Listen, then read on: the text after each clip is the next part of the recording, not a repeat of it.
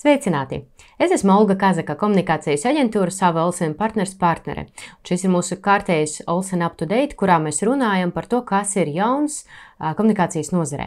Pēdējo vairāku mēnešu garumā mums bija lieliska iespēja uzzināt kaut ko jaunu. Daudziem no mums līdz šim nebija pieredzes prezentēt video konferences formātā vai vadīt sapulces šajā formātā. Un tiešām esam daudz ko iemācījušies.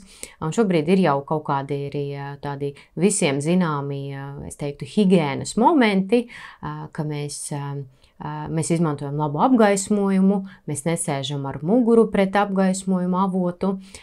Daži pat ir iegādājušies jau pat speciālas blogeru kameru, blogeru apgaismojumus, lampas tad mēs izvēlamies labu fonu, mēs izvēlamies klusu vietu, sarunājam, ka neviens fonā nestaigā, netraucē, mēs aiztaisam visus liekus dokumentus un interneta logus, kas var traucēt šai prezentācijai un tā tālāk un tā tālāk.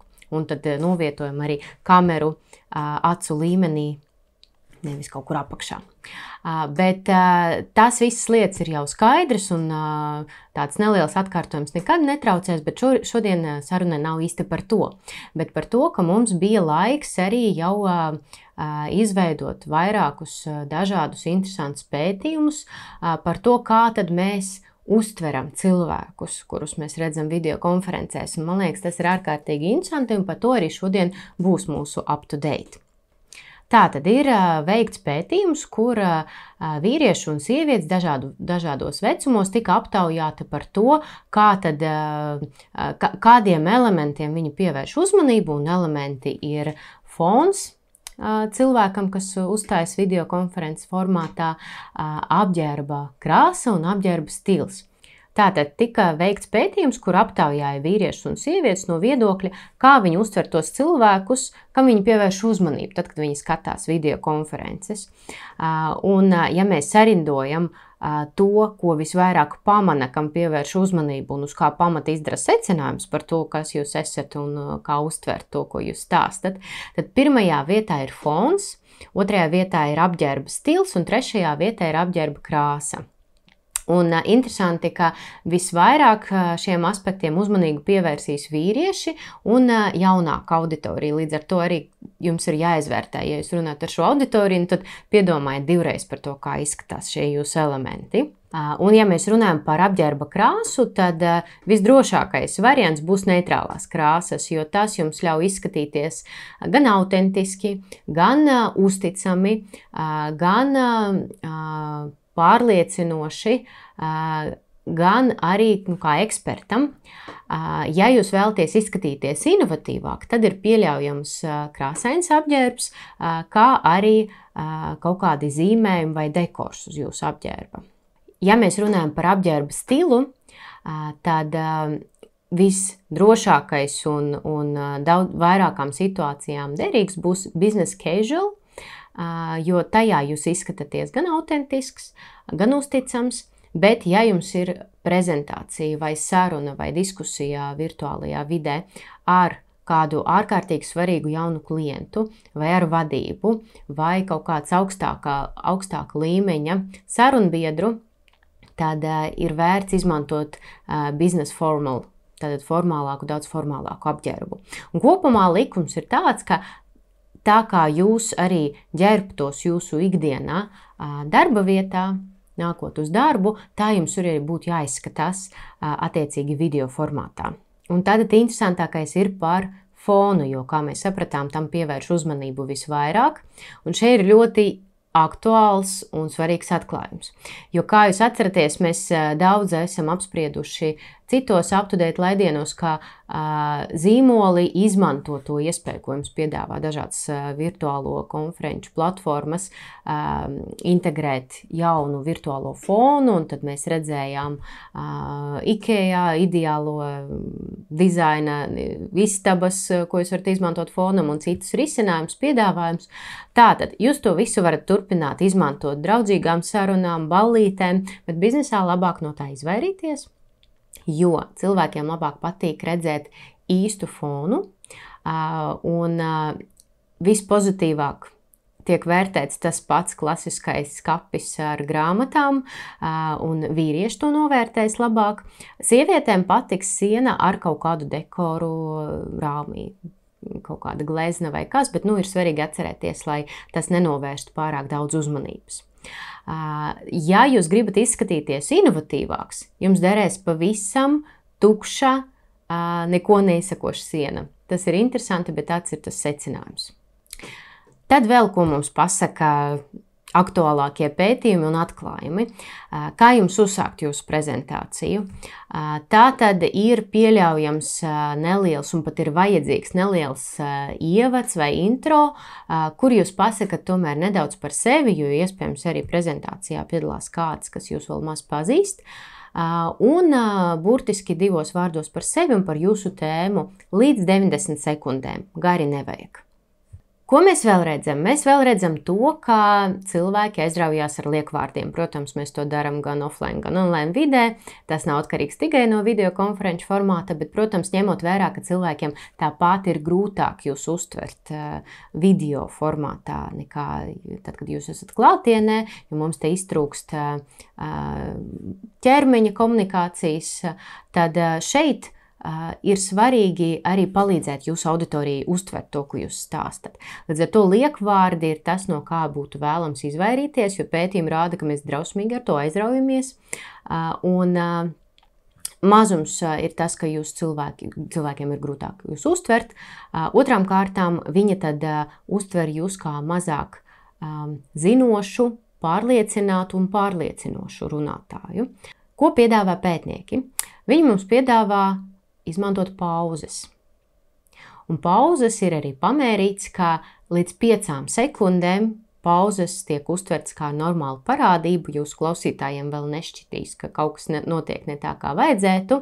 Un pat ja jūs aizdomājaties, vai jūs aizmirsāt kaut kādu vārdu, jūs tā arī varat pateikt, ka jūs šobrīd mēģināt atcerēties šo vārdu bez liekvārdiem. Komunikācija ir apgrūtināta un uztvere ir apgrūtināta ne tikai jūsu komunikācija, bet arī jums kā runātājam, jo jūs neredzat reakciju. Tad, attiecīgi, arī šeit ir tāds svarīgs secinājums, ka ja ikdienā mēs varam atļauties vairāk momentu, kad mēs pajokojam, lai kaut kā sasildinātu atmosfēru vai, vai kaut kā dabūtu auditoriju savā laivā, tad šeit to labāk nedarīt, jo jūs vienkārši neredzēsiet, vai, tā, vai tas joks ir aizgājis, un vai jūs īstenībā dažreiz neveikls joks var tikai pasliktināt situāciju. Līdz ar to mazāk joku, vairāk pieturēties pie informācijas, bet lai tā atmosfēra tomēr būtu ne tik sausa, ne tik augsta, tad joku vietā ir labāk izmantot storytelling vai stāstu stāstīšanas tehniku, kad jūs nolasat kaut kādu citātu no klienta, no, no nu, kaut kas, kas ir aktuāls. Varbūt jūs izstāstat kaut kādu savu pieredzi, varbūt jūs to storytelling elementu iekļaujiet tajā intro sākumā, kā, kad jūs, piemēram, gatavojaties šai prezentācijai, kas ar jums atgadījās. Un šie ir tie elementi, kas drīzāk padarīs tādu emocionālāku saikni, bez riska, ka kaut kas eh, tiks uztverts eh, nepareizi, agresīvi, vai cilvēki nodomās par jums kaut ko eh, sliktu, kā joku gadījumā. Un tad vēl viens svarīgs aspekts ir saistīts ar to, ka tad, kad mēs nobeidzam prezentāciju, arī virtuālajā vidē, ir ļoti svarīgi, lai cilvēki tiešām saprastu, ko jūs gribētu viņiem pateikt. Jo katra prezentācija vienmēr ir mērķiecīgs komunikācijas akts, ar to jūs vēlaties kaut ko panākt. Un beigās ir labāk arī uztaisīt tādu kopsavilkumu, kur jūs pasakat, viens, divi, trīs galvenās lietas, kuras mēs izrunājām, ko mēs izlēmām, kas ir atbildīgs. Un pavisam ideālā variantā jūs pēc sapulces, pēc virtuālās tikšanās nosūtiet cilvēkiem arī memo, kur jūs arī nodublējat visus lēmumus, visus galvenos elementus. Tā tiešām jūs arī panāksit, ka uz noteiktu termiņu tiks arī izdarīts tas, par ko jūs esat vienojušies. Un tad vēl daži lifehacki, kas jums varētu noderēt. Viena lieta - smaidiet! Tas ļoti palīdz arī tad, kad jūs runājat pa telefonu. Protams, ja tēmā ir atbilstoši, to atļauj. Neliels smaids vienmēr ir tā laba reakcija uz arī pat uz agresiju vai pat uz kaut kādu negaidītu situāciju. Otra lieta stāviet kājās. Ja jūs, it īpaši, ja jūs nejūtaties līdz galam droši, tas jums piešķir stabilitāti. Vienkārši paceļiet visu jūsu kompozīciju ar datoru gaismām un visu pārējo tā, lai jūs varētu stāvēt uz abām kājām. Tikai atcerieties, ka nevajag dejot, vajag stabili stāvēt uz abām kājām, un tad jūs gan izskatīsieties, gan jutīsieties, gan cilvēku uztvers jūs kā pārliecinošāku. Tas ir pārbaudīts un tiešām labi strādā. Tad ir vēl viens tāds triks, kad jūs signalizējat. Jūs signalizējat jūsu klausītājiem par to, cik tālu kāds ir progress progress jūsu prezentācijai. Piemēram, mēs zinām, ka manā prezentācijā ir pieci punkti, par kuriem es esmu pateikusi sākumā, un tad es arī varu pateikt, ka šis ir trešais punkts, par ko mēs runāsim. Tad cilvēki aptuveni saprot, ka es esmu savas prezentācijas vidū, un viņi aptuveni arī nojauš, kad es varētu tuvoties beigām, prezentācijas beigām, un, un tas viņam palīdzēs arī noturēt viņu uzmanību. Un vēl tieši uh, video konferenču formātā jums nereti var noderēt asistents. Jums nav obligāti jābūt vienam pašam, it īpaši, ja runa ir par kaut kādiem komentāriem, jautājumiem, kas jums nāk prezentācijas laikā. Ir ārkārtīgi grūti gan fokusēties uz to prezentējumu daļu, gan arī reaģēt uz katru komentāru. Un tad nereti sanāk divas galējības. Vai nu cilvēks vispār ignorē nu, to, to atgrieznisko saiti, kas nu, ir žēl, jo nu, tam arī ir vajadzīga tā prezentācija, tad citādi jūs varējāt vienkārši ierakstīt video un padalīties ar to. Vai nu cilvēks tik ļoti reaģē uz tiem jautājumiem, ka viņš jau aizmirst par visu savu prezentāciju, ka viņš tā nedaudz sāk bremzēt, kamēr viņš izlasa to jautājumu. Tas arī tā rada tādu nesakārtotu, nesistematizētu, nestruktūrētu sajūtu. Līdz ar to, ja jums ir asistents, viņš jums var palīdzēt nezaudēt to ritmu, viņš var jums palīdzēt atlasīt arī vispopulārākus jautājumus, visaktuālākus jautājumus, un tad, tad tā prezentācija būs arī gludāka, ātrāka, operatīvāka, kas ir arī vienmēr cieņa arī pret, gan pret jūsu, gan pret jūsu oponentu laiku. Un izmantojot noteikti savu balsi, skaidrs, ka ierakstā mēs izklausāmies savādāk, bet Vēl viena lieta, ka tad, kad mēs esam stresā, kad mēs uztraucamies, mēs sākam arī runāt daudz ātrāk nekā parastā dzīvē.